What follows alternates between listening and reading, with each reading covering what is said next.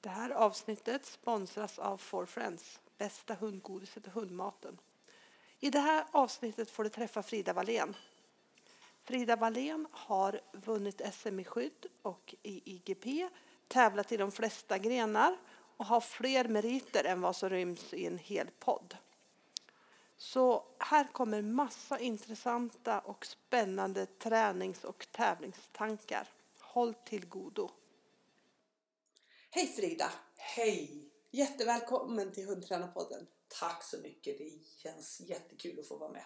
Du är ju lite van vid poddar. Du har ju kört ett par förut. Ja, två stycken har varit med. Ja, jag, jag har faktiskt lyssnat på båda två. Okay. Eller faktiskt, jag har självklart lyssnat på båda två okay. man väl säga. Okay. Det tycker jag det är så himla kul att höra duktiga hundtränare Tack. berätta om sin träning och allt runt hund. Eh, hur hamnar du egentligen i det här med hundsport? Uh, av en slump. Jag har alltid hållit på med hundar och älskat hundar, men mera kommunikationen med hunden. Och sen så gick jag en kurs när jag var nyinflyttad uppe i Rättvik i Dalarna. Och det var mest för att lära känna folk. Men eh, så blev det att jag upptäckte det här med hundsporten och sen blev det så. Sen blev det så? Sen ja. blev det så. Och också tror jag att jag upptäckte jag läste en bok som heter Bäst när det gäller med Billy Railo.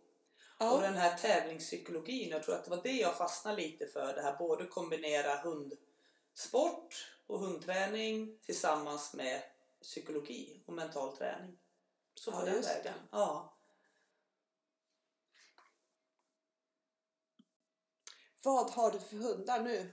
Just nu så har jag tre stycken hundar. Jag har min pensionerade Mallehane som heter Bruksviljans Ammen och han är nio år.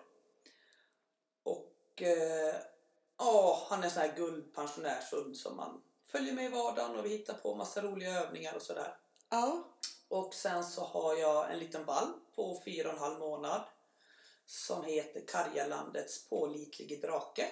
Aha, han borde heta Snygge drake tycker jag. Snygge drake, ja. ja. han är jättefin. Ja, verkligen. Ja. Han eh, går, sen går han mest under smeknamnet Kompis. Aha, okej. Okay. Han är en riktig kompis, verkligen. Och sen har vi familjens lilla maskot eh, som är en papillon på tre år och heter Linda Torps Miss Marilyn. Aha. Kallad Blinka. Okej. Okay. Mm, mina döttrar ville väldigt gärna ha en hund och jag var inte så svårövertalad. Nej, du var inte det? Så, nej, så det gick bra. Ja, vad kul. Mm. Det är ju faktiskt jättekul att kunna dela liksom intresset. Och... Ja men verkligen. Och de mallarna som vi hade de är lite för stora och det blir lite för våldsamt med, ja. med eller våldsamt, de leker väldigt lugnt och fint men det är smidigare med en liten hund. Ja, Så är det är det ju absolut. definitivt. Ja. Det kan jag hålla med om. Mm. Vad, vad kännetecknar egentligen dig och din träningsfilosofi? Oj, det är jättesvårt vad som kännetecknar mig. Jag tror att det är att jag ser till individen vem jag har. Om jag tränar egen hund så ser jag väldigt mycket till, till den individen. Och tränar jag andra så ser jag både till hunden och till människan. Så mycket det med att det finns så många sätt att träna. Och jag ja. ser till individen. Sen framförallt att ha kul tillsammans med sin hund. Jag brukar säga att hundträning ska stämma i huvudet på den som tränar hunden. Man ska ja, tycka att det stämmer. Och sen ska det kännas rätt i hjärtat och det ska fungera på hunden. Och alla de här tre sätten, både stämma i huvudet, kännas rätt i hjärtat och fungera på hunden, behövs för att få till det tycker jag. Ja, mm. det var ju en jättebra och tydlig beskrivning mm. tycker jag. Mm. Och på det stora hela taget så är jag också väldigt mycket för att tänka enkelt. Inte krångla till saker och ting utan tänk enkelt men tänk. Ja. Mm. Hur viktigt tycker du att det är det här med vardagslydnad? För mig så är det viktigt, för jag tycker att det är väldigt skönt. Har jag vardagslydnad på mina hundar så kan jag ge dem mycket mer frihet. Och de kan vara lösa och vi har en skön vardag tillsammans. De kan få följa med vart jag vill ha med dem för att de, de funkar bra i alla olika miljöer. Tror du att det betyder mycket för eh, träning för sporter och tävling och sådär om du har bra vardagslydnad? Jag tror att det går mycket smidigare. Dels att hundarna är vana att lyssna och att man har en kommunikation tillsammans. Uh, Ja, och att det hjälper till i, i tävlingslydnaden helt Ja. enkelt. Mm. Det är ju ganska många som har lite problem med den delen. Ja, Därför kanske. man och är ja, kanske. Lite, lite mycket inne på, på att bara träna för, för sporterna. Ja. Och, och glömmer det lite grann. Jag tror ju att man tjänar väldigt mycket på att ha en bra relation med sin hund och bra vardagslydnad och att den lyssnar och, och sådär. Och sen blir det så mycket enklare att, att få hunden att jobba lite längre utan belöning. Om vi tänker sen till tävling, om den är van att lyssna ibland. Ja, Men om hundarna aldrig någonsin behöver lyssna i vardagen och sen plötsligt ska koncentrera sig på träning så tror jag att det är mycket svårare. ja. Helt enig. Tänker du att man bara kan uppfostra hunden med att belöna rätt beteende? Jag, jag tror att man kan göra det om man har en hund som i princip inte har några stora lustar alls och kanske också har en del rädslor. Så tror jag att den hunden kommer inte våga eh, eller vilja hitta på något bus. Så då, ja, då tror jag att det går bra att göra det. Men har man en hund som har lustar, nej, då tror jag inte det. Då tror jag att man behöver gå in och, och stoppa dem ibland. Ja. Mm. ja. Eh, tror, tror du att man skulle kunna, skulle man kunna träna skydds genom att bara belöna rätt beteende? Har du sett någon som har gjort det genom åren? Nej, jag har sett flera som försöker. Eller fler, jag har sett några som har försökt att nu ska jag minsann bara träna. Ja, Med belöning? Precis, ja, med ja. belöning. Och nej, jag har, jag har aldrig sett att det fungerar. Nej. Sen har jag sett mycket som fungerar om du har en väldigt bra vardagslydnad. När jag tränar skydd med ammen Jonna, så, så till 90-95% så belönar jag bara rätt beteende. För att han vet vad som gäller. Och Ja. han kan re- spelreglerna och sådär. Men det är också, då säger man ju ändå till hunden, men i vardagen. ja, Ja. just det. Men jag tror samma med en skyddshund eller en jakthund eller vallhund. Alla de här hundarna har mycket medfödda egenskaper och stora lustar så tror jag i alla fall att det är jättesvårt att bara belöna rätt beteende. För hunden kommer att försöka ta för sig. Ja, Och att i det läget bara vänta ut hunden i min värld kommer det inte att hjälpa för att det blir så självbelönande för dem ja. att göra vad vi kallar för fel. Då. Och det som hunden gör ofta blir den bra på. Ja, eller hur? Det är eller hur? lite, Ja, lite av ett problem i det fallet ja, faktiskt. Ja. Ja.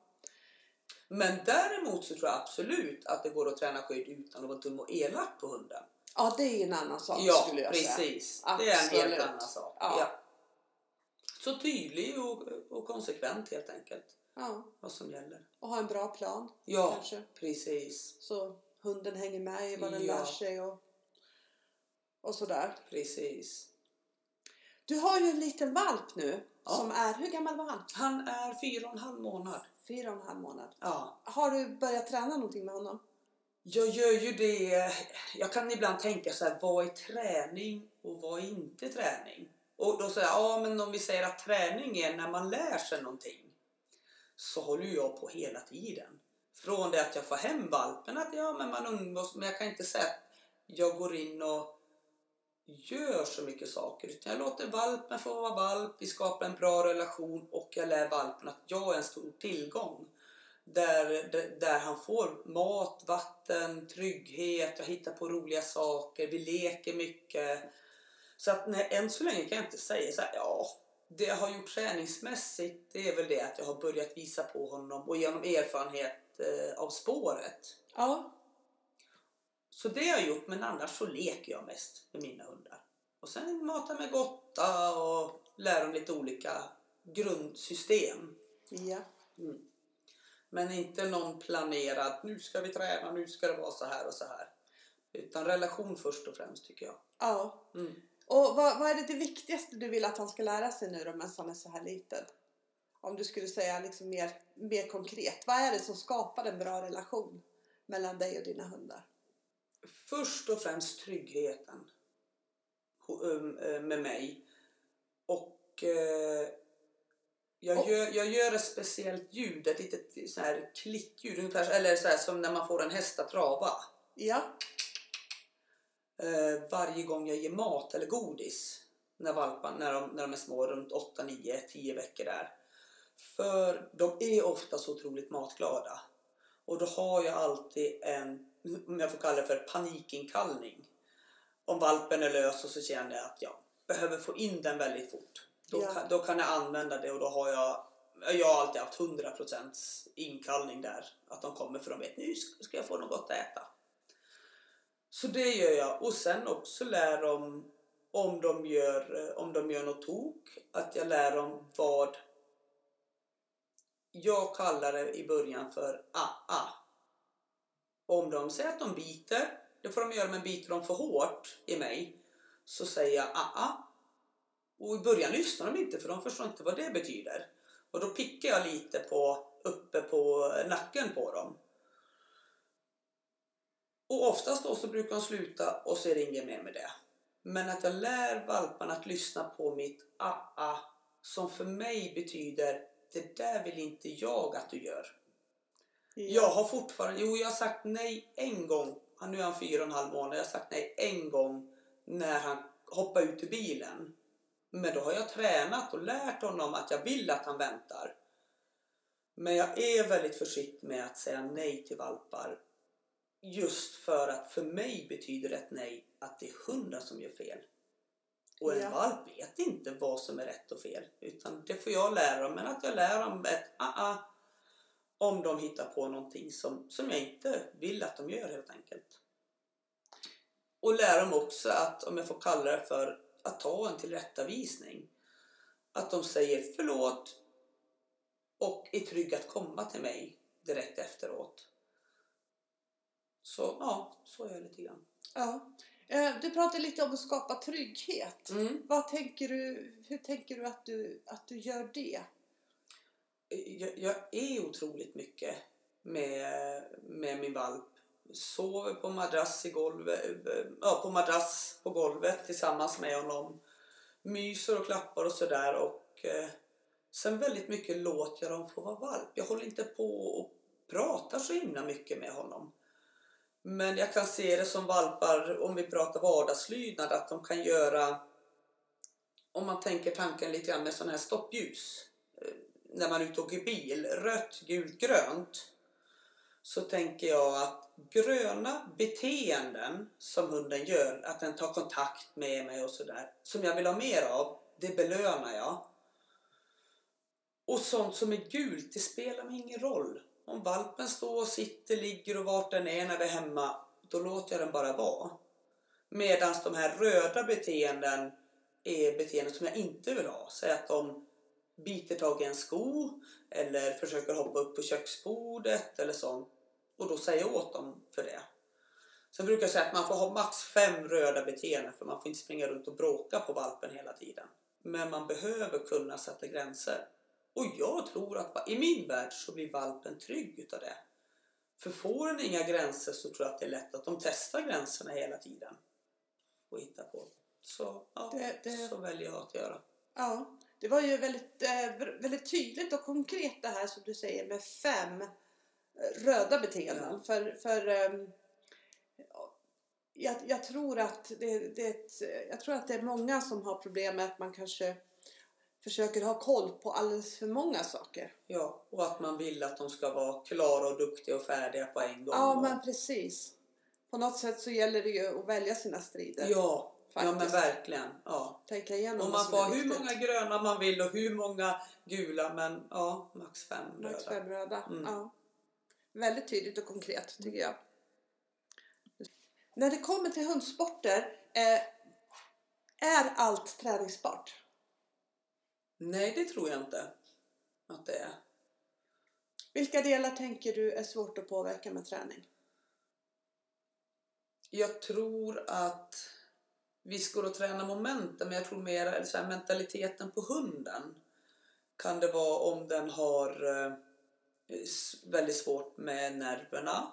Det här med att det ska styra rätt och att den ska kunna generalisera att det gäller samma sak på olika platser. Kan en del hundar jättesvårt eller en del har svårt för om det är, är plastband uppe eller sådär. Eller om du har hundar med starka rädslor så kan det vara väldigt svårt att träna. Och även lustar, det går att träna till viss del. Men om hunden, om hunden inte vill och inte har lustarna så, ja, så tror jag att det kan vara svårt. Då är det svårt. Ja. Mm. Du, var ju, du har ju varit väldigt, väldigt framgångsrik i svenskskyddet. Och, och sen bytte du till IGP och så blev du eh, lika bra i det då. Vad, vad, vad är det som har gjort tror du att du har lyckats så bra? Det måste ju vara någonting som, gör, som funkar liksom på båda två. Ja, tack. Jag, jag tror att det är att jag har en väldigt bra relation med mina hundar. Att de litar på mig och jag har bra grundsystem. Och då spel, för jag gör alltid som hund att jag lär dem system, både med leksaker och med godis. Och då kan de systemen så spelar det ingen roll vilken sport man håller på med. Sen är jag också väldigt noga med att de här systemen vill jag inte bara att mina hundar ska kunna. De ska kunna dem som ett rinnande vatten. Så att jag är jättenoga med grunden. Och sen går det väldigt fort att jobba vidare och, och, och byta sport. Tycker inte, nej men det, är en, det går bra för att hunden har grund, Ja. en bra grund. ja. Mm. Eh, när du pratar om dina system, skulle du kunna beskriva det lite närmare? Vad, vad det skulle kunna vara? Eh, Eller vad det är? Om vi tar med godis till exempel så har jag om, om min hand, om jag har godis i handen och bara stoppar fram till hundens mun så antingen får den äta direkt eller så får den följa något jag kallar för följarsystemet. Jag vill att min hand med godis och hundens nos ska vara som en magnet. Ja. Att de ska sitta ihop. Inte som en piraya utan, utan just som en, som en magnet att hunden följer med. För då kan jag styra hunden. Jag kan locka den till beteenden.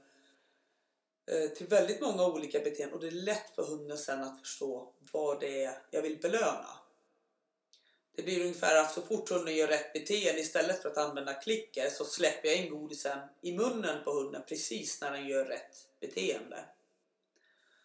Och sen det andra beteendet det är om jag har handen och för den bredvid hundens mun så vill jag alltid att hunden söker ögonkontakt med mig.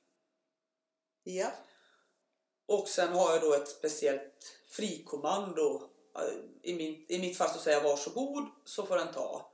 Men där tränar jag också dels öka på tiden, jag ska kunna säga andra saker och att hunden ska bara lyssna på det här frikommandot. Även om handen rör sig och sådär. För på så vis så kan jag lätt lära in olika moment och jag kan ha den här ögonkontakten och stadgan. Och med leksaker så gör jag det viktigaste för mig att hunden tycker att det är kul att leka och att den kommer in med leksaker Ja. när han har fått vinna. För kan jag låta hunden få vinna och känna sig stor och stark så kommer den vilja att få en sån här, eller då kommer den få en väldigt härlig upplevelse och känsla. Och den känslan vill hunden komma tillbaks till. Så därför är det lätt sen att göra momenten. Så så gör jag med leksaker. Får de att vilja ha leksaken, får de att komma in och får de att släppa på kommando. Ja. För blir det konflikt i varje släppande så kan jag känna att det blir inte så mycket belöning. För att det all- alltid avslutas med bråk. Så det gör jag med hundarna just med leksak. Och det är lite grundsystemet. Sen Ja, tränar jag ja. också det här med ögonkontakt och att kunna följa leksak och lite grann sådär. Varför tror du att så många har problem med släppandet? Därför att vi eh, avlar på hundar med mer och mer eh, kamplust och vilja. Ah, okej. Och så Och- hänger vi inte med i samma grad och Nej, så hänger man inte riktigt med, med i det sammanhanget. Sen tror jag gärna att man vill leka upp hundarna men att man i början ber hunden att släppa när den är lite för mycket upp i gas. Och då kan den inte släppa. Och om man inte säger åt den då, då lär sig hunden att den inte behöver släppa. Nej. Att det är visst inte så noga. Och jag gör alltid i början att jag lugnar ner hundarna väldigt mycket innan jag ber dem att släppa. Okej, Jag lite tar som... väldigt eh, lång tid. Min lilla valp, han är fyra och en halv månad. Jag har inte sagt loss till honom än. Jag säger tack ibland och det gör jag när han gör saker som jag inte vill ha. Om vi tänker att vi belönar gärna med leksak när hunden gör något vi vill ha. Ja. Och, jag gör, och det gör jag också. Och sen gör jag så att hunden får behålla leksaken tills den gör något jag inte vill ha. Till exempel gå ifrån mig. Ja. Eller valpen i början när han hade lekt en stund, då la han sig ner. Och då sa jag, du är duktig men då är det stopp. Då slutar vi leka och så kunde jag gå fram och säga tack, nu är det min leksak. Och det gjorde ju att han ganska snabbt kom på att lägga sig ner, det var ingen bra idé. Nej, just det. Så då var han ju uppe och rörde sig och gick han ifrån mig, då är det stopp och tack. Ja. Och sen så gör jag samma sak om de sätter tassarna på mig. Om de har leksaken i munnen. Inte, jag blir inte arg på dem, men jag bara säger stopp, då slutar vi leka. För på så vis får jag en hund som alltid vill komma in till mig. Men han är ju ingen uppdragen i det läget. Han är ju väldigt lugn i kam, liksom, och bara ha leksaken i munnen. Ja. Mm.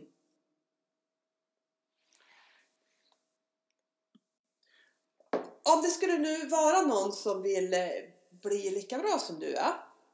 Jag gissar att det är många som vill det. Och du fick bara ge dem ett enda råd. Vad skulle det vara? Bara... Eh, nu ska vi se. Bara en enda sak. Då är mitt råd att bli ännu mer medveten.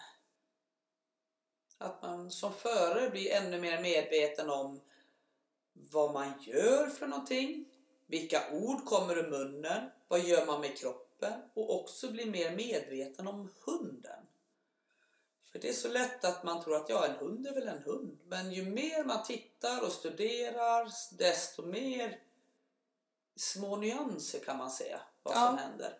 Och där tror jag, blir man medveten om vad hunden gör och vad man själv gör så tror jag att man utvecklas jättemycket.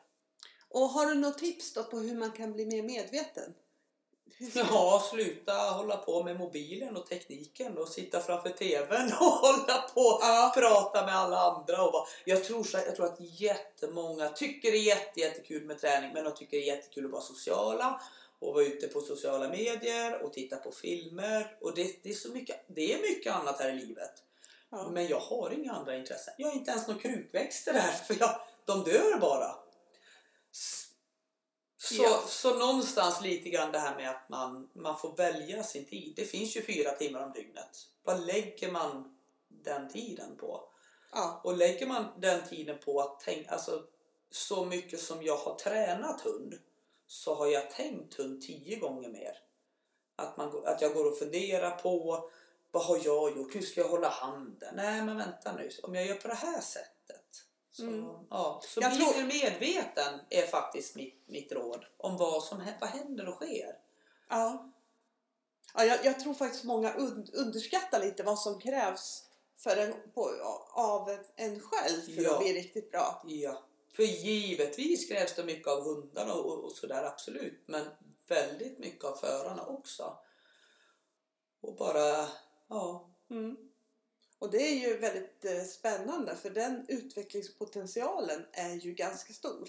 Mm, Och, och kan, bara, kan man bara bli bättre på några få delar så kan det göra ganska stor skillnad. Så, ja. mm. Och just att bli medveten om hundens... Jag kommer ihåg första gången jag blev medveten om att så här, oj, kan jag påverka hur min hund leker? Och hur den håller leksaken i munnen? Det fanns inte för mig när jag började. Jag har alltid lekt med hundar, men just när jag blev medveten om att jag kunde påverka leken. ja. Och i dagsläget, jag håller ju på om man tittar på, ah, nu blinkade hunden på ett speciellt vis. Eller nu, nu, nu stoppar hunden ut tungan här på ett speciellt vis. Eller sådana här små, små, små nyanser. Så mycket... Det finns, jag vill ju jättegärna ge hur många råd som helst, men nu fick jag bara ge ett råd. Och då blir det att bli mer medveten. Ja, ja, jag tycker det var ett superbra råd. Tack. Det här med att få till det på träning, det är ju för de allra flesta en sak. Och få till det på tävling en helt annan sak. Hur tänker du? Hur har du gjort och hur har du tänkt runt det? Jag har misslyckats eh, Flera gånger, eh, absolut. Sen tror jag att jag har jag har tre saker som jag tänker ska fungera för att få, få till det på tävling. Och där är den ena delen är just hundträning. Att få hunden att utföra de beteenden som vi vill ha. Och den andra delen är tävlingsträning. Att få hunden att fungera lika bra i en tävlingssituation. Med allt vad det innebär. Och den tredje är mentalträning för oss förare. För jag tror det gör jättestor skillnad hur, hur vi tänker och agerar och gör och sådär. Ja. Mm. Det är ju många som har lite problem att få till helheten på tävling. Vad, vad tror du det beror på? Och vad beror... Vad, du, sa, du sa att du hade misslyckats på, några, på någon eller några hundar. Vad, vad, vad, vad var det som gjorde, eller misslyckas kanske man ska kalla det för, men jag antar att du inte Ja, till det som du vill liksom. Men, men vad, vad, vad var det som gjorde att inte du fick till det som du ville på just de hundarna? Väldigt mycket tror jag att det handlar om orutin. För, för i början, jag visste inte hur det hela gick till och även om jag visste hur den, vilka moment en hund skulle göra på tävling så tror jag att det var så att jag var alldeles för nervös de första tävlingarna. Och det påverkar min hund. Och sen också att, eh, och det har ju hjälpt då, då med mentalträning. Och sen att skillnaden mellan träning och tävling är alldeles för stor. Att det är väldigt lätt att vara ensam någonstans eller några kompisar och man tränar och har jättekul och så kommer det på tävling och man blir stel, tråkig och det blir jättekonstigt för hunden. Och också den här uppvärmningen. För mig var det också att här, jaha, man kanske ska träna på hur man ska värma upp hunden. Och även träning mellan momenten så många, att se, det, att se det till väldigt många delar. Sen, sen tror jag alltid... Jag tror ingen som håller på och tränar alltid lyckas på tävling. Och jag, inte. nej, och Nej. jag tror ingen som håller på och tränar alltid misslyckas. Utan ibland går det, ibland går det inte. Shit happens. Och jag känner nu för tiden så här, om det går fel så är det ofta missförstånd. Eller också kan jag, ja just det, det där, det där har jag glömt att träna på. Ja. Det ska jag träna på Ja, också. det är sant. Så jag blir nästan mer triggad ja, just det, det där ja. Ja. Ibland, och jag kallar det för, eh, ibland om det misslyckas också, så kan jag kalla det för att man får en guldnolla. Om man har haft problem med ett moment och så har man tränat jättemycket. Säg att du har haft problem med inkallning, hunden kanske haft dåligt tempo. Och så har du tränat och du har fått upp fin fart på hunden. Och så kommer du på tävling och så tjuvstartar hunden och kommer i världens fart, i världens snyggaste ingång. Det är ju noll i momentet. Men jag kallar det för guldnolla. För hunden har gjort förstått precis det jag vill. Sen får man ju ändå träna på stadgan att sitta kvar. Men ja, så tror jag lite grann. Sen generellt så tror jag också det här med, som vi pratade om i början, att om man aldrig har, aldrig tränar hunden i att orka koncentrera sig en längre stund och lyssna på föraren så tror jag att det blir, det blir svårt för en på tävling. Och den säger att nej men nu går jag och luktar och letar efter godis på marken istället. Eller jag går och hälsar på tävlingsledaren eller sådär. Ja. Mm. Eh, om, om du skulle göra en liten jämförelse mellan eh, svenskbruxet och IGP. Ja. Är det någon skillnad där i hur, hur duktig man är på att förbereda hunden för en tävling? Eller ser det ungefär likadant ut i båda, båda grenarna? Det, är ju, det här är, Det är, ju väldigt olika. Det är jättesvårt för mig att säga sådär, men jag får säga lite rent generellt. Ja, det måste det bli. Så jag tror förstår att det jag, lite ja, olika. så tror jag att man är lite duktigare på IGP. För det är lite striktare där. Och du får inte, du får inte göra i princip någonting mellan momentet. Utan från det att du går in på plan så ska hunden hålla hela vägen. Sen är ju inte det säkert att det gör det. Men det är striktare. Medan spruxet är det lite mer, man har tid mellan momenten där man får klappa om hunden och busa eller om man vill göra något speciellt sådär. Tyckte du att den övergången var klurig? Nej. Inte jätte... Mest för mig Ja. faktiskt. Inte för min hund. Han tyckte nog att det gick hur bra som helst. Och, och jag undrar om man inte nästan tyckte att det var lättare och skönare. För ibland upplever jag att vi både i lydnaden och i brukset, vi stör nästan hundarna när vi mellan momenten ska klappa om dem och sådär på ett sätt som vi inte gör på träning.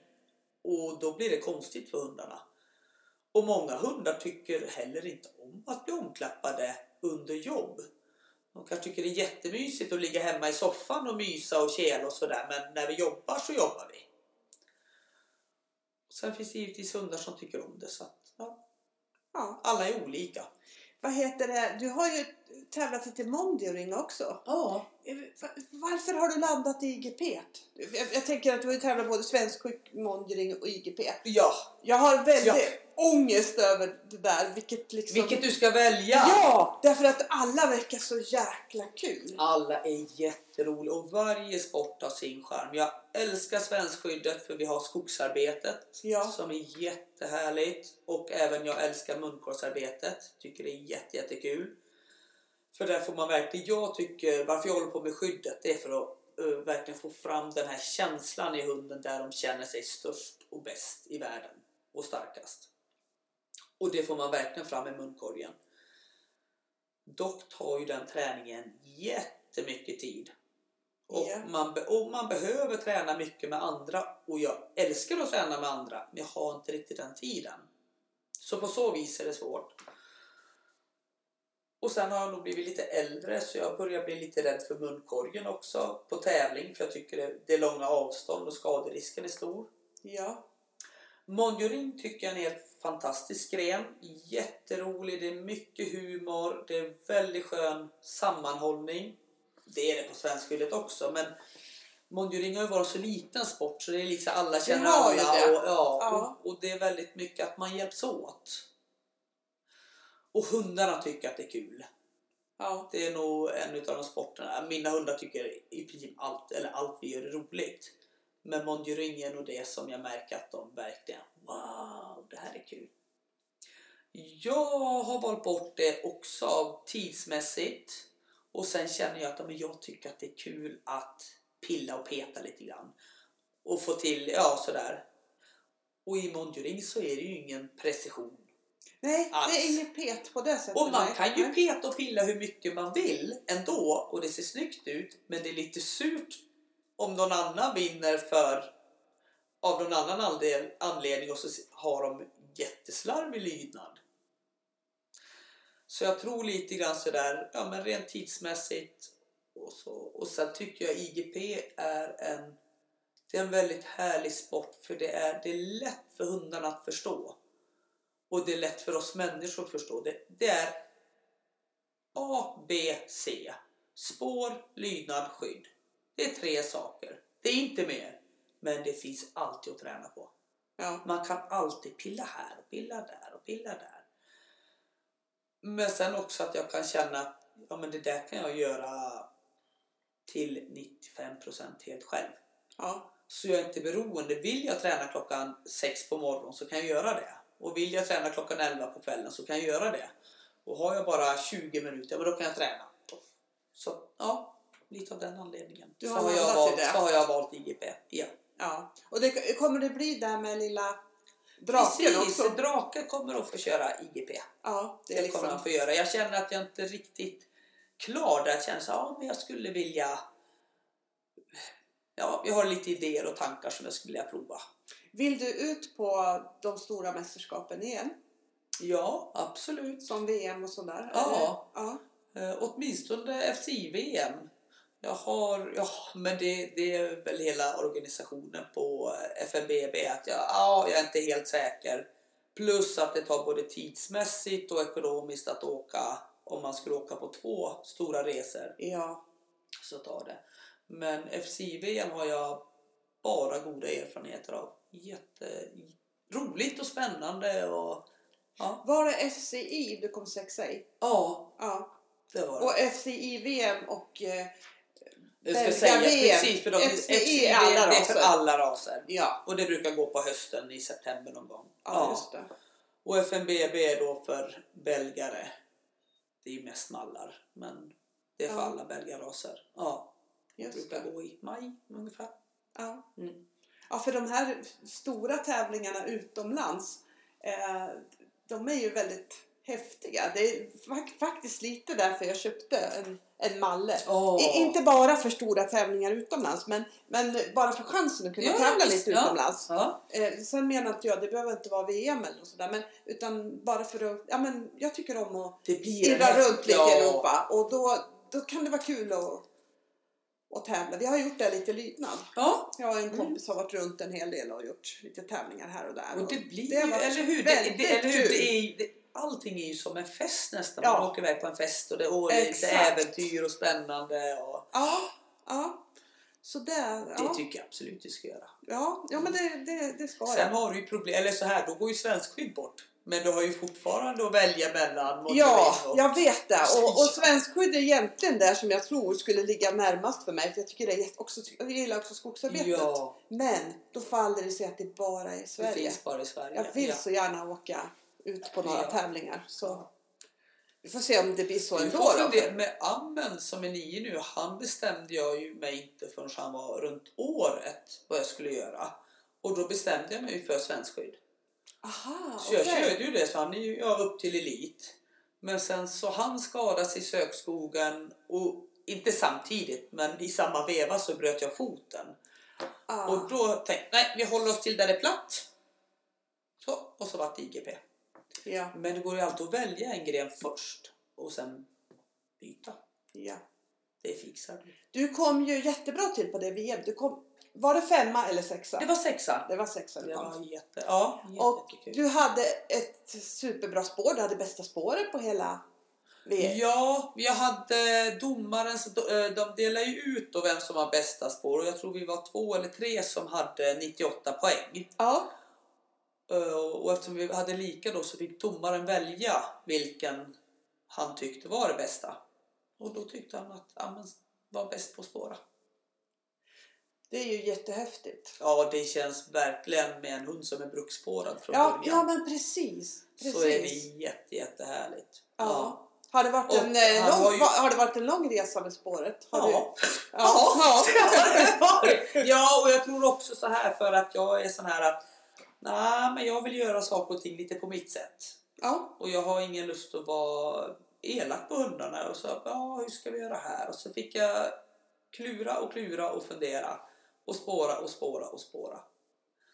Och ja, Och sen har du hittat... och sen så hittade vi den här. Ja, jätteroligt. Ja. Verkligen. Hur gick lydnaden och skyddet då? Vad, var det, vad, vad hade du behövt mer i om du skulle, hade, om du skulle ha kommit? Ja, jag skulle, jag lärde mig. Det ju, eh, jag tycker så, för jag lär mig. Varenda tävling så lär jag mig saker och ting. Ja. Och nu lär jag mig jag behöver, när det är så där varmt. Som det var, alltså det var stekhett. Aha. Mitt på dagen. Jag fick börja med plats. Och då när jag står bakom den här skärmen så står jag i gassande sol. Och jag blir så torr i munnen. Och det har jag lärt mig. Där ska jag ju ha något... ehm, jag kan stoppa upp ibland en, eh, en halstablett. Ja. Och ha, men jag behöver nog ha någonting som utsöndrar lite mer saliv eller ha med mig något vatten. ja, Någonting. För jag varit så torr i munnen så alla kommandon som jag gav blev väldigt märkliga. Du menar när man är, man är torr i munnen? Ja, ja.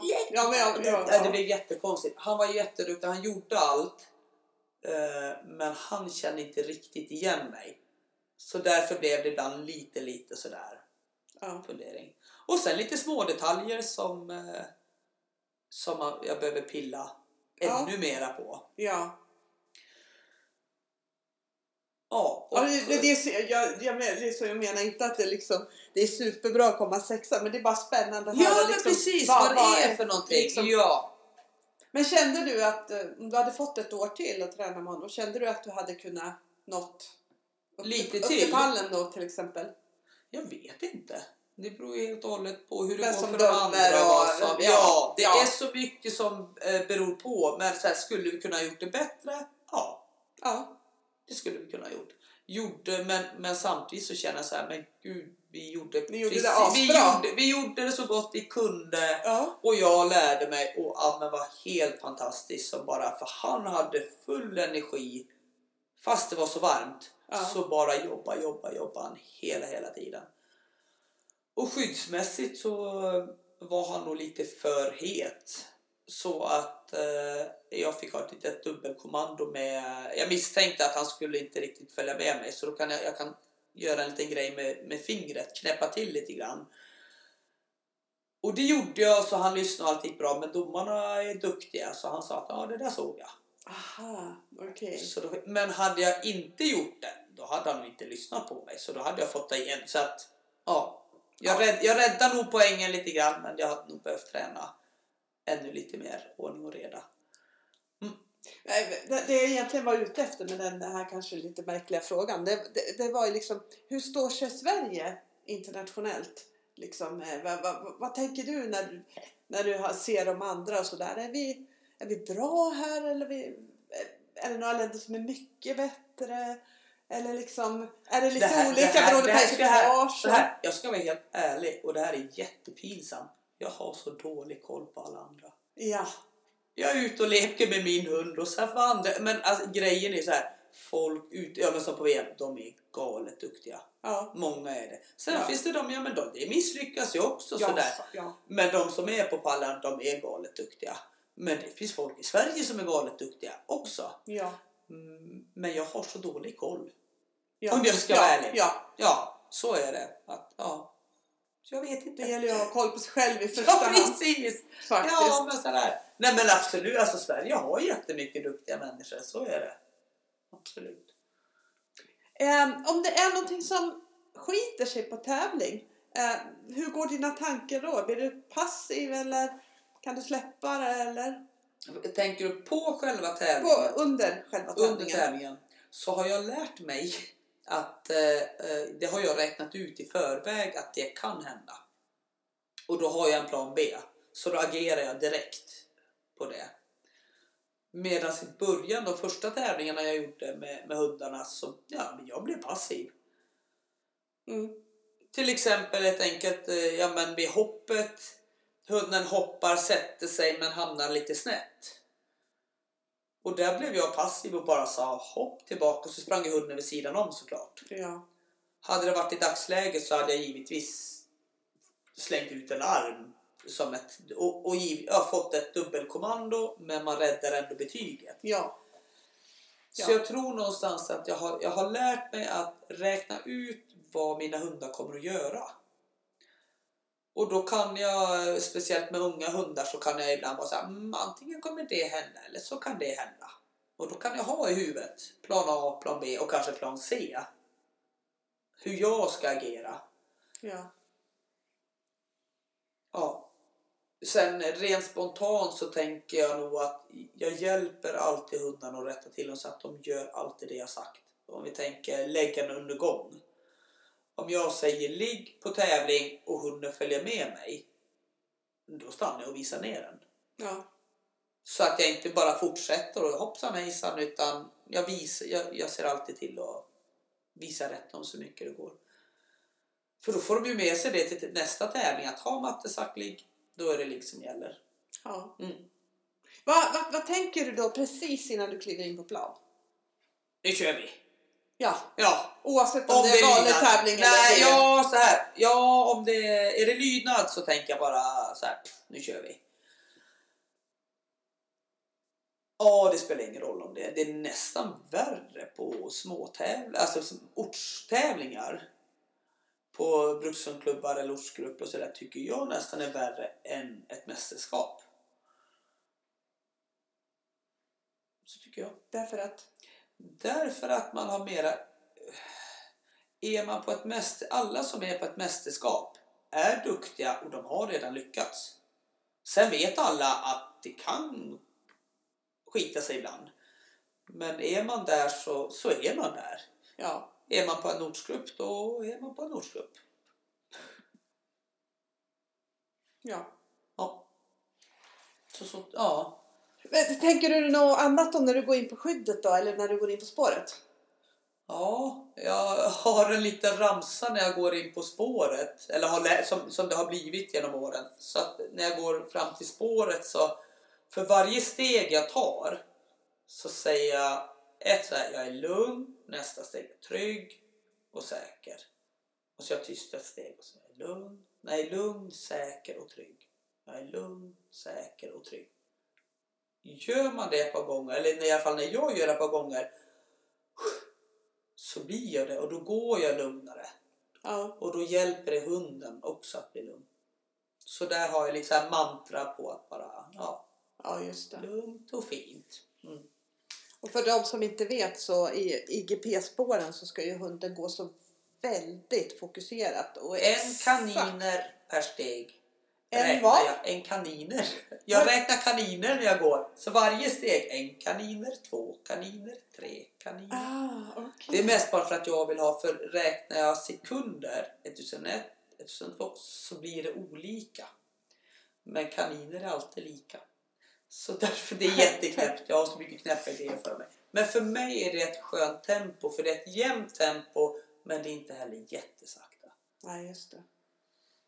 Och Just det. domaren på VM sa faktiskt det lite grann att eh, det var en bredvid honom som frågade hur de andra hundarna spårade. Så sa han, men de spårar väldigt bra många, men de ser ut som zombies. Ja, Och det ska vi ju inte ha på IB, hundar som bara är jättelångsamma. Men de ska vara noggranna och liksom... Mm. Mm.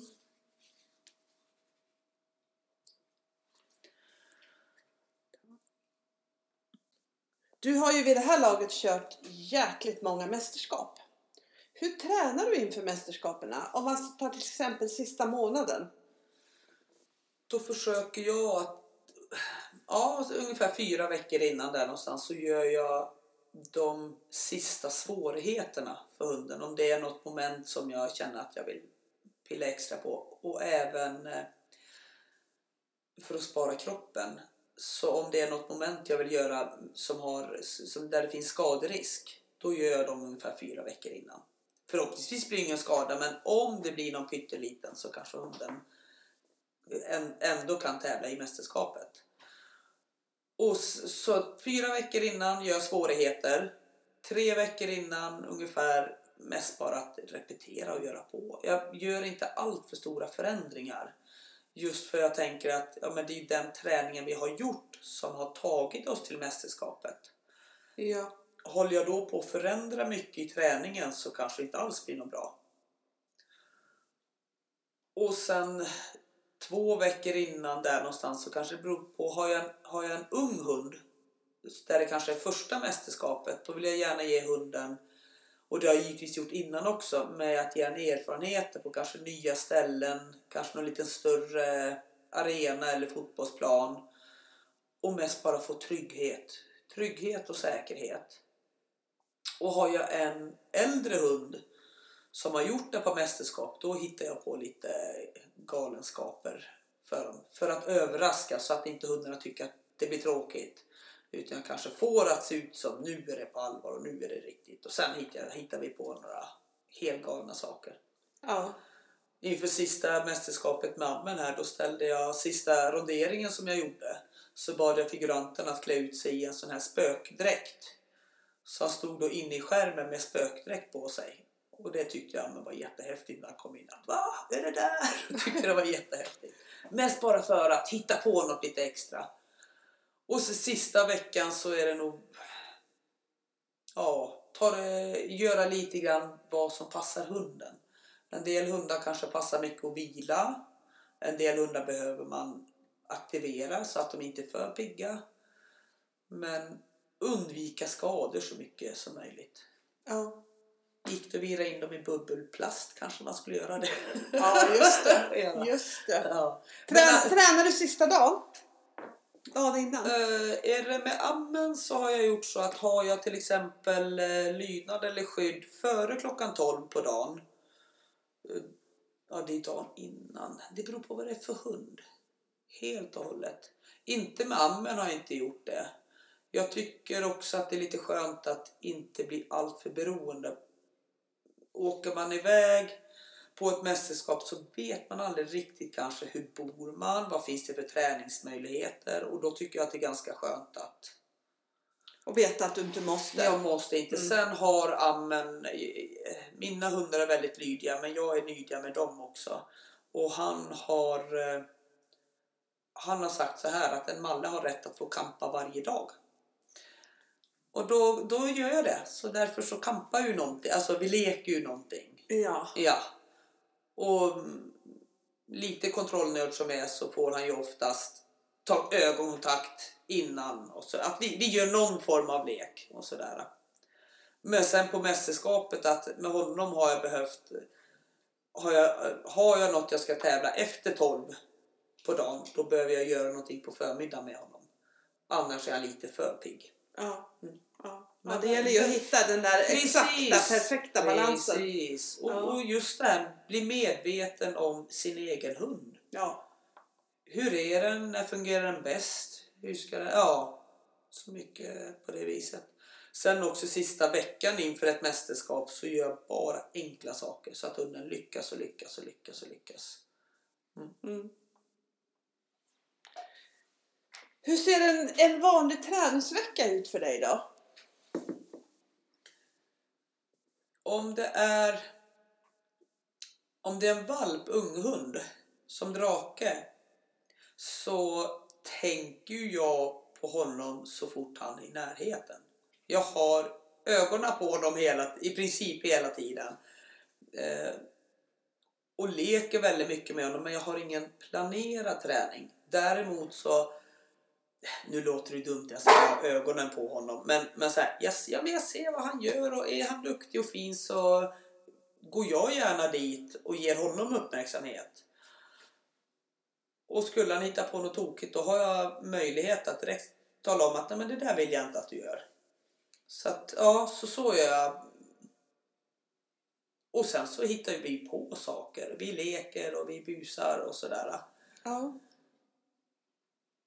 Och sen också att jag, jag, jag har ju skrivit upp hur jag vill att han ska slutprodukten, om jag får säga så, IGP3, spår och lydnadsskydd, vet jag hur jag vill att det ska se ut. Ja. Så därför håller jag på i leken att leker in olika beteenden och belönar dem när han gör rätt och sådär. Men jag har inte döpt någonting. Han kan inga kommandon än.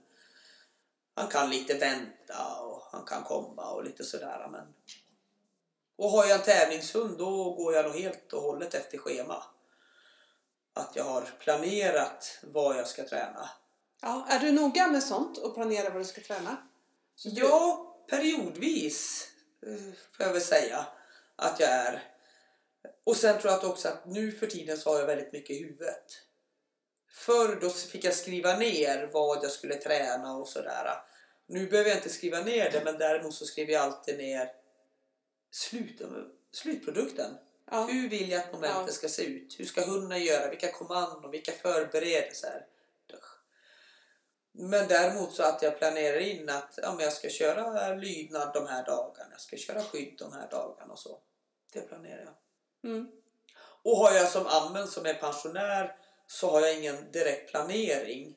Men jag hittar på saker med honom. Han får kampa varje dag som sagt var. Ja. Enligt hans egen. Ja. Och sen så kanske jag tränar honom eller hittar på saker mellan tre och fem gånger i veckan. Men eh, om du hade en, eh, en hund i aktiv täv, trä, tävlings... Tävling. Ja. Ja. Hur skulle en träningsvecka se ut då? Gud, det är alldeles olika. Ja, det beror också på vilken tid det är på året. Vinter-vår så har jag mycket mera fysträning. Ja. Och eh, sen på vår och sommar, men det, ja. Jag lägger gärna också kampanjer på att ja, men nu, lägger jag, nu kör jag eh, bara skyddsövningar här en vecka. Och då kanske jag tränar fem gånger i veckan. Bara skyddsövningar. Så hunden kommer in i, ja det är det här vi gör, det är det här vi gör. Och sen får den pausa från det ett tag. Så kör jag lydnad och så får jag pausa från det och så. Ja. Mm. Så att det är jättesvårt. Jag, jag har inget schema där jag gör exakt så här. Jag går 10 steg fotgående, jag gör exakt en inkallning, jag gör exakt sådär. Utan jag går mycket på känsla också. Mm. Mm. Eh, Jag har hört det i en annan podd, som tror jag att det var, du får rätta mig om jag har fel, att du pratar om 100 spår, 100 lydnadspass och 100 skyddspass och 100 vilodagar. Ja, just det. Ja, jag gjorde det med ammen för lite. Jag kan tycka ibland att det är skönt för mig att jag bara bestämmer mig för något. Och då, jag hade precis kommit hem ifrån ett VM. Och så satt jag då och planerade nästa år. Alltså, ja, sådär. Och, och då kom jag på det att ja, man brukar ju prata i och med att 100 är ju det högsta poängen man kan få i spår och lydnad Ja. och skydd. Och då tänkte jag så här, ja men då säger jag 100, 100, 100. Och sen vill jag gärna vara lite extrem så då lägger jag till 100. Och då blev det just då, på ett år så satte jag mig och planerade in 100 vilodagar. Vi ska inte träna slut på hundarna heller utan de ska få vila. Och så 100 lydnad och 100 spår och 100 skydd. Så skrev jag in det och det, för mig var det jätteskönt att då kunde jag bara kolla i almanackan. Jaha, idag är det spår, då är det bara att åka och spåra. Idag är det skydd, ja då är det bara att åka och skydda. Ja, följde du din plan då? Ja, Ja. det gjorde jag. Eh, jag såg till, givetvis kunde det vara att ibland vissa gånger bara så att nej, men det körde ihop sig. Men då såg jag till att jag hade alltid gjort i kapp när veckan var slut. Ja, just det. Så att även om jag missar någon gång eller om jag har en helt ledig dag och jag är jättesugen att träna, någon kompis kanske frågar vill du träna, så känns det fånigt. Nej, har vilodag idag. Ja. Det vill jag inte. Utan nej, men då kunde jag flytta lite grann så att jag var inte helt stenhård. Men, men efter varje vecka så hade jag gjort i kapp så att det stämde. Ja. Ja, Tyckte du att det gav det resultatet du hade väntat? Jaha, vi kom sexa i världen. Ja. Så, men, så svar men, ja. vi, men så här, vi var Svar inte, ja. Svar ja. Samtidigt, samtidigt, vi var inte på pallen så att ja. Nej men vi hade jättekul. Ja, men alltså det var ju o- oerhört. Det är otroligt bra liksom. Ja, tack. Jag vet inte hur många det är med på de här mästerskapen, men det är ju skitmånga. För jag Ja, vet att jag följde med, på, 150 följde med på 150 nätet då. Ja. Det är bara svårt att följa med liksom på Ja, dagar och tider och, Ja, ja visst. Ja. Ja. jag tror att det är ungefär 150 deltagare. Från hela världen. Från hela världen. Ja. Ja. ja Det är häftigt. Jättehäftigt. Ja. Jätte, jätte, ja. Mm. Det är det verkligen. Vad, vad tänker du när det gäller planeringen så här? Vi har ju pratat en del del om det här, men vad tycker du är viktigast att ha koll på om man nu vill planera sin träning? Jag, I början, om man börjar att träna hund, så att just att bara skriva ner innan man går ut och tränar vad man ska träna på och gärna skriva upp, skriva upp efteråt hur det gick. Jag gjorde ju misstaget i början att jag kunde ju sitta hemma och när jag förstod att man skulle planera så kunde jag göra upp i huvudet och så åkte jag till klubben och så såg jag vilka som var där och då kunde jag ändra mig vad jag skulle träna på.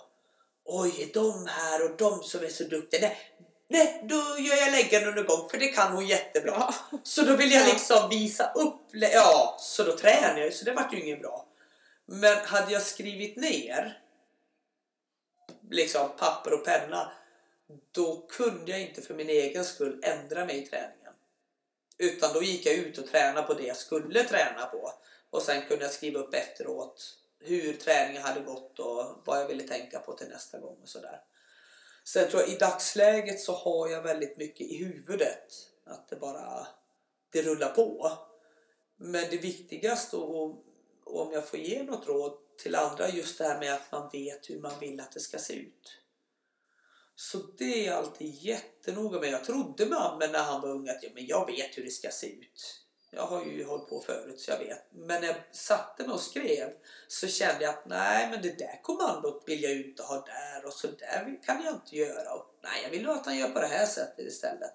Så just att faktiskt ta sig lite tid och skriva ner hur man vill att det ska se ut. Och man Hur- kan ju bara upp i början. Hur detaljrik är du? Herregud. Herregud. Eh, med Ammens pappa bäst så vi vann ju skydds, svensk skydds-SM. Då hade jag skrivit 37 sidor i, vad heter det, A5. Sånt här. Ja, En halv A4-papper. Heter det A5? A5 heter A5, den. ja. Så 37 sidor hade jag skrivit ner då. Ja, det är ganska mycket. Så då är det ju väldigt detalj och då var det bara på saker som jag kunde påverka Ah, som jag hade skrivit ner. Ja.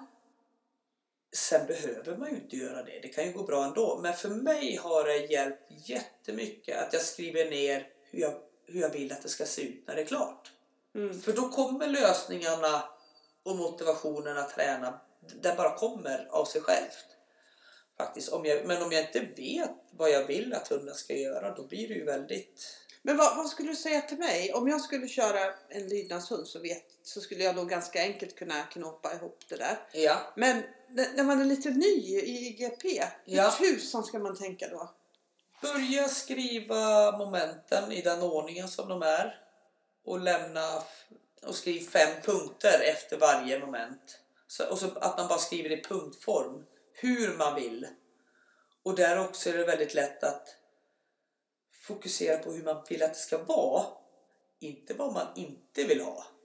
Så att man inte, ja min hund ska inte sitta snett. Då skriver man ju istället min hund sitter rakt. Ja. Och att man skriver i nutid att min hund håller fast apportbocken. Den. Ja. Mm. Så börja med stolpform och sen så jättegärna skriva en berättelse om man vill att. kan man ju börja. Idag är det äntligen dags. Ja. Nu ska vi ut och tävla. Och sen så att man bara... Om inte annat kan det bli väldigt kul att läsa Det kan efterhand. bli jättekul Ja. att läsa. Ja, Ja. absolut. Men eh, hur, hur kan man skapa bra målbilder då? Tänker du att man åker på tävlingar, tittar på Ja, Youtube? precis. Eller vad, vad liksom, var Precis. hittar man sina... Titta, Youtube är fantastiskt. Det är ju bara att sitta och leta och söka och titta. Ja. Och sen framför ja, och titta på, på tävlingar, åka på mästerskap. Att man ser så här. Så Mm. där vill jag också att det ska se ut. Mm. Mm. Och sen läsa regelboken är väldigt, väldigt bra. Ja. För då kan man någonstans också säga, men så här säger ju faktiskt reglerna. Hur bra kan jag få det med min hund? Ja. Hur bra kan det bli? ja. Ja. Mm. Eh, skyddet är ju rätt så påfrestande. Gör du något speciellt för att hålla hundarna i fysisk form? Jag gör... eh, Jag promenerar väldigt mycket med dem i skogen. Jag tror att jag är ute i snitt kanske tre timmar per dag. Att bara liksom gå, ja, vara ute i skogen. Sen behöver inte det vara i råterräng givetvis, utan men på stigar och promenera, att de får röra sig.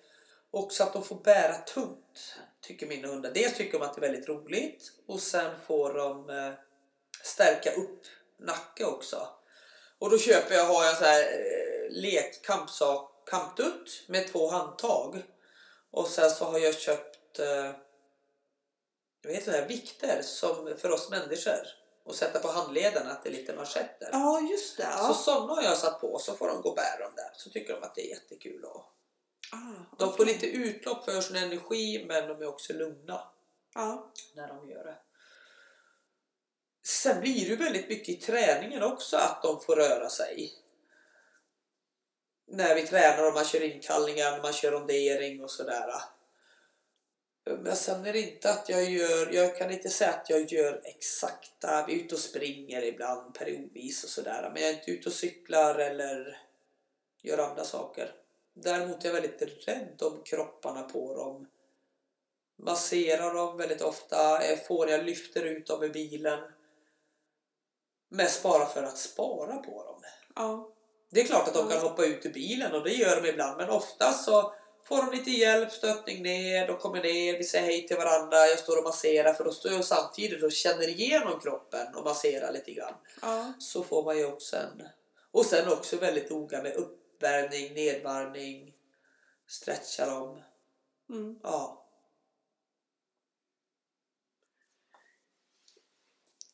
Gör du någon form av mental träning? Ja, mycket. Jag tycker att det där är jätteintressant och spännande med hur mycket vi kan påverka oss själva och våra egna valda sanningar om oss själva, vad vi tycker och tänker och, och bara så enkelt vad ord kan påverka oss. Så det gör jag mycket. Jag tycker att det är jätteroligt och jätteintressant. Kan, och du det, ge, kan du ge något lite mer konkret exempel? Ja, men bara, bara en sån här eh, enkel sak som att skilja på orden måste och vill. Eller väljer. Så här, jag måste åka och träna spår. Va, nej, det måste du inte. Jag väljer att träna spår för att jag ska, vill att vi ska bli duktiga på det. Och det är just för att ordet måste tar väldigt mycket energi. Ja. Och då blir det att man tappar energi bara genom att säga det ordet. Mm. Så på så vis, så bara att bli mer, återigen medveten om vilka ord använder jag. Och också att om jag ska rätta till mig själv. Jag vet i början, min första hund, alldeles i början så hade jag problem för jag klappade mig alltid på benet. Jag sa fot, hon kom och satte sig snett. Jag klappade mig lite på benet och sa bättre. Och så hoppade hon in och så tyckte jag att det var jättebra. Det var ju inte det, men jag tyckte det då. Sen när jag väl förstod det här och skulle jobba bort min lilla tics med min hand. Så om jag i huvudet sa Nej, nu får jag inte slå mig själv på benet. Så gjorde jag det. Just för att hjärnan kan inte uppfatta ordet inte. Men om jag istället sa till mig själv Nu ska jag vara stilla med min hand. Så var jag det. Ja. Så jättemycket det här med faktiskt hur man kan påverka sig både med ord men även med tankar. Och ja, Vad är det viktigaste, vad är ditt viktigaste mentala tips som du skulle kunna skicka med? musik har det varit för mig. Ja. Att hitta någon bra musik, någon bra låt som man kan förknippa med sin hund så man kan få en så riktigt god känsla till.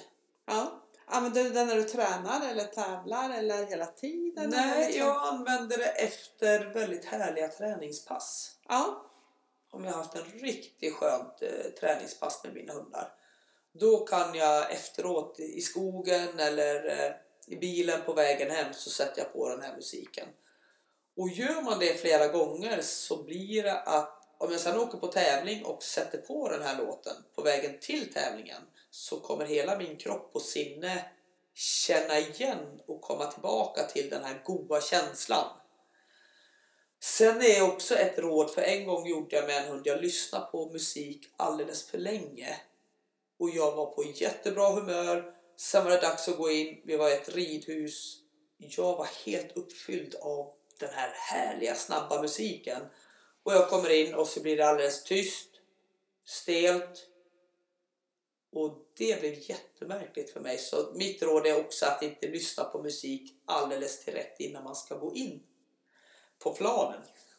Kanske är mitt råd. Sen alla funkar olika men ja. Sen får man nog prova vad man, vad man själv tycker är. Tycker man att det är spännande med mentalträning, de jag har lärt mig allra mest av är eh, Kjell Enhager, Olof Rölander och Mia Törnblom. Ja. Det är några som jag tycker är, och de finns ju både på Youtube och Spotify och ja, och lyssna på som ljudböcker Ja, och det poddar. är ju och väldigt det enkelt att fånga upp om man... Precis. Så det är perfekt. Det ja. är verkligen super, super. Ja. Mm. När du har varit och kört, när du har kört stora mästerskap, har du haft någon coach som hjälper dig eller har du? Nej, Klarat dig själv? nej, jag har inte haft sen, Jag har alltid haft underbara människor runt omkring mig. Ja. Och som har hjälpt mig där och då. Men jag har inte haft någon speciell som alltid, alltid, alltid är med. Utan det har varit, Det har varit lite go- olika. goda, fina vänner och mina Ja. bröder och, och sådär. Och sen har jag min, eh, min coach kanske är min blåa tävlingsbok. Jag har en sån här, vi pratade förut om hur mycket jag skriver, så har jag en tävlingsbok. Tävlingsbok, det är en sån här fotobok som jag har gjort i ordning. Där jag kan sitta och bläddra och där jag har jätte, jättemycket olika mentala, det är citat och det är olika peppande grejer och Ah, okej, så du har en liten peppbok. Eller vad ska man kalla det för? Ja, precis! Ja. En peppbok! Ja. Ja. En bra känsla Precis, Ja. och där det står liksom, nu ska vi göra det här. och Det, ja, men det, för mig är det jätteskönt att ja. någonstans bara gå in och läsa rutiner. Så här ska vi göra. Och så här. Ja. Mm. Mm. Du jobbar ju heltid med hund. Mm. Hur länge har du gjort det? Jag har gjort det sedan 2000. Så det är 20 års... Om man får säga det, för jag började 2000 och så jobbade jag som kennelflicka i tre år. Och sen gick jag, utbildade mig till hundresör i ett och ett halvt år. Så det är ju inget riktigt jobb men samtidigt är det heltid Men samtidigt jobbar du ju med hundar. Jag jobbar med hundar. Ja. Så att, ja. och, då, och sen 2005 startade jag företaget Sundbergs hundtjänst. Och sen har du kört på. Sen har jag kört på Ja. och tycker att det är lika roligt hela tiden. Hela tiden, Ja. ja. Det, men jag tycker att det är lika roligt som det är att träffa ekipage jag träffat tidigare och se utvecklingen. Så är det alltid lika roligt att träffa nya ekipage och se men vad är det för person och vad är det för hund och sådär. Så, mm. ja. När du träffar folk, så, vad tycker du att det, det är den absolut största förbättringspotentialen hos hundtränare? Och har det här förändrats någonting genom åren, tycker du? Från där du började till, till nu? Eller är det ungefär samma? Det var en jättebra fråga. Det svaret jag får till mig direkt är faktiskt att inte vara så hård mot sig själv. Ofta tycker jag att många är lite för hårda mot sig själva. Och när det blir fel, om jag får kalla det för att man klankar ner på sig själv. Nej, nu missade jag det. Nej, jag kan inte det här. Och, och så att man klankar ner på sig själv istället för att man kan försöka trigga sig själv att bättre kan jag. Nu ska jag vara beredd på att ta emot hunden ordentligt. Ja. Nu ska jag, att man kan trigga sig lite grann. Till, ja. Så det är nog den, den, en förbättringspotential det här med att man kan ja, inte vara för hård mot sig själv helt enkelt. ja, just det. Mm. Tänka som man tränar sig själv på samma sätt som man försöker träna sin hund. Precis! Där begär man ju inte att de ska kunna allting från Nej, dag ett, från början. utan- Och samma med en själv om man aldrig har hållit på. För ibland upplever jag också att folk säger ja men du Frida, du kan det och det. Så här, ja, men jag har gjort över nästan 200 tävlingar och hållit på med hund i hela mitt liv. Och om vi då har en person som har hållit på ett år så kan det vara jättesvårt tycker jag att den personen ska tycka att den ska kunna lika mycket. Så just det att ja, men man får inte vara för hård mot sig själv. Utan, sen vet jag inte om jag tycker att det har förändrats, inte just den delen. Nej, det har varit Jag lite tycker nog lika att samma. folk- ja, ja. Du har ju otroligt fina tävlingsmeriter som säkert är en stor del till att du har blivit en så populär och anlitad instruktör. Men vad, vad tror du är mer än det som har gjort det? Eh, jag hoppas och tror att, att det är så att de tipsen som jag ger fungerar. Och att det blir att folk vill ha mera då. Ja, Och sen tror jag också att om jag ser individen, för det är verkligen så att det finns så många sätt att träna hund. Och jag kan nog, jag har gått igenom väldigt många olika faser under mina år med hundar. Allt ifrån att nej då, jag behöver aldrig säga åt någon hund överhuvudtaget till att hoppsan hejsan nu här får vi styra upp väldigt mycket. Och hittat en medelväg idag som jag trivs väldigt bra med. Då kan jag känna igen mig i folk vart de är och vad de vill ha hjälp med. Och just att, att hjälpa folk med det de vill ha hjälp med. Där de är med den hunden. Ja, Ja. så tror jag. ja. Och sen hoppas jag tror jag att jag får folk att känna sig avslappnade och att de kan slappna av och att de litar på mig och sådär. Och- Mm. Ja, jag var ju och lyssnade på dig för något halvår sedan eller sådär. Jag tyckte det var väldigt kul. Jag tyckte du var väldigt duktig på att ehm, förklara och prata så att alla kunde hänga med. Du pratade ju för hela gruppen hela tiden. Du stod aldrig längst bort och pratade med ett ekipage. Ja. Utan du pratade så att alla kunde följa med och lyssna och, och så här hela tiden. Mm. Det, det tyckte jag var väldigt kul faktiskt. Tack! Ja, jättekul. Och jag tror också det här med att prata enkelt. Att inte krångla till saker och ting och att inte använda massa termer och massa svåra ord som, är svår, som kan vara svårt för folk att förstå. Utan prata vanlig svenska, Ja, tror jag. ja nog så Man viktigt. tjänar på. Ja. Ja, verkligen. Om man nu vill bli bra på att lära ut hundträning, alltså om man vill bli bra som instruktör. Mm. Vad skulle dina bästa tips vara då? Då tror jag att det, är, det första är nog just det här med att prata enkelt. Inte krångla till det utan... Och också att få folk att känna att det är okej att ha. Om de kommer att ha. Det är också skillnad om de har problem med vardagslydnad jämfört med om de kommer och vill ha hjälp med hur de kan få ett moment lite, lite bättre. Fast i båda fallen så tror jag också det här med att, att få dem att känna sig bekväma.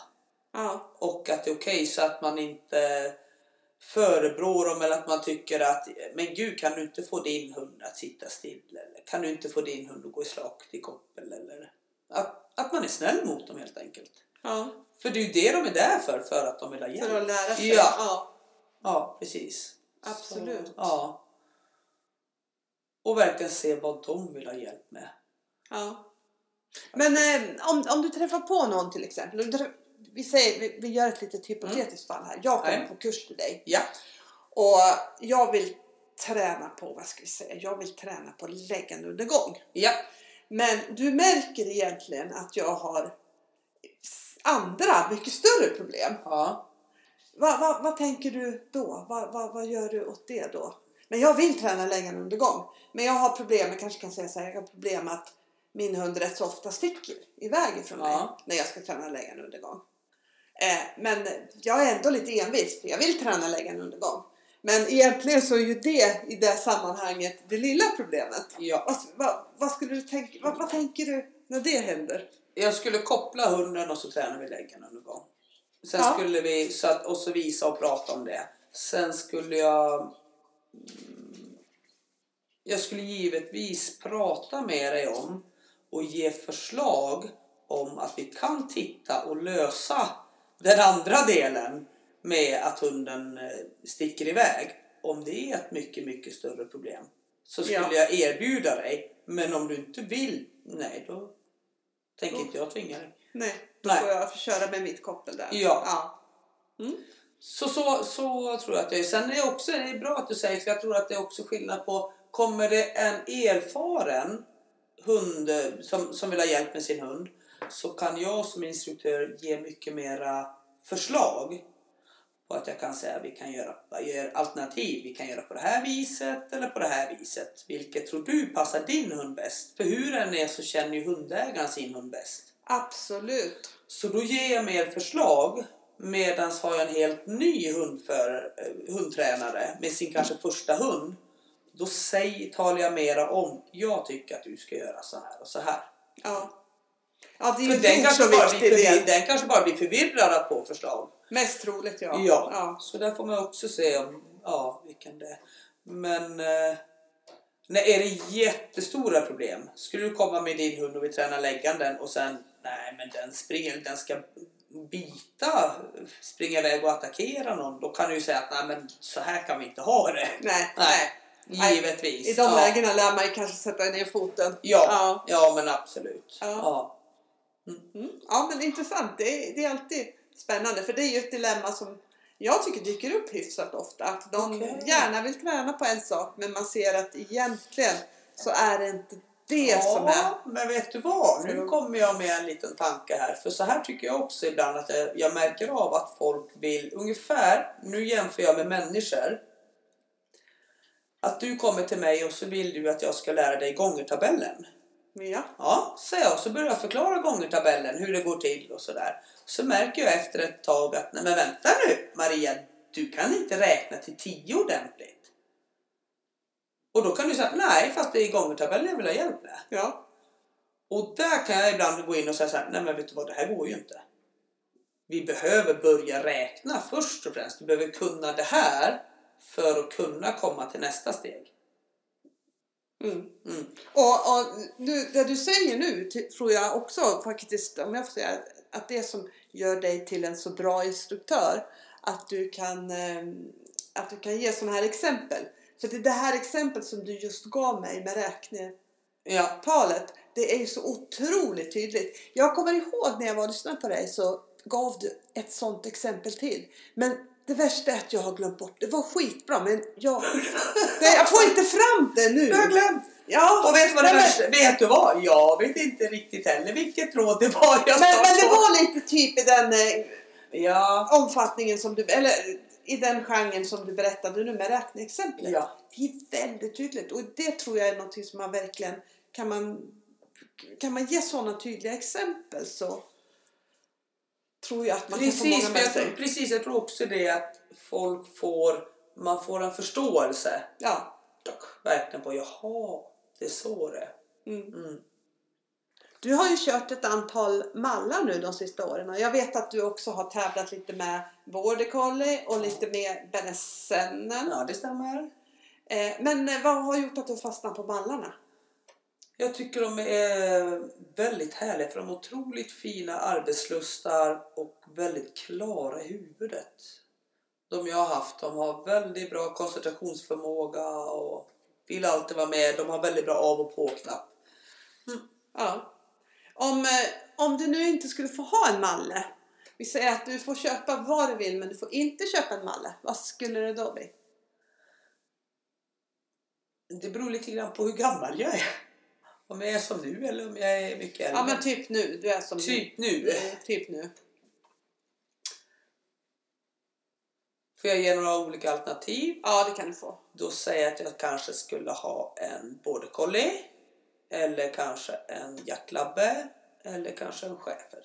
Ja. Eller kanske en holländare. Ja. Ja. Ja, det var några sådana Mm. alternativ. Mm. Men eh, vi på Hundtränarpodden, vi vill tacka dig supermycket för att du så generöst har bjudit på så jättemånga tips. Tack. Det var bara kul. Så tack, tack! Tack snälla. Hejdå. Det här avsnittet sponsras av For Friends, bästa hundmaten och hundgodiset.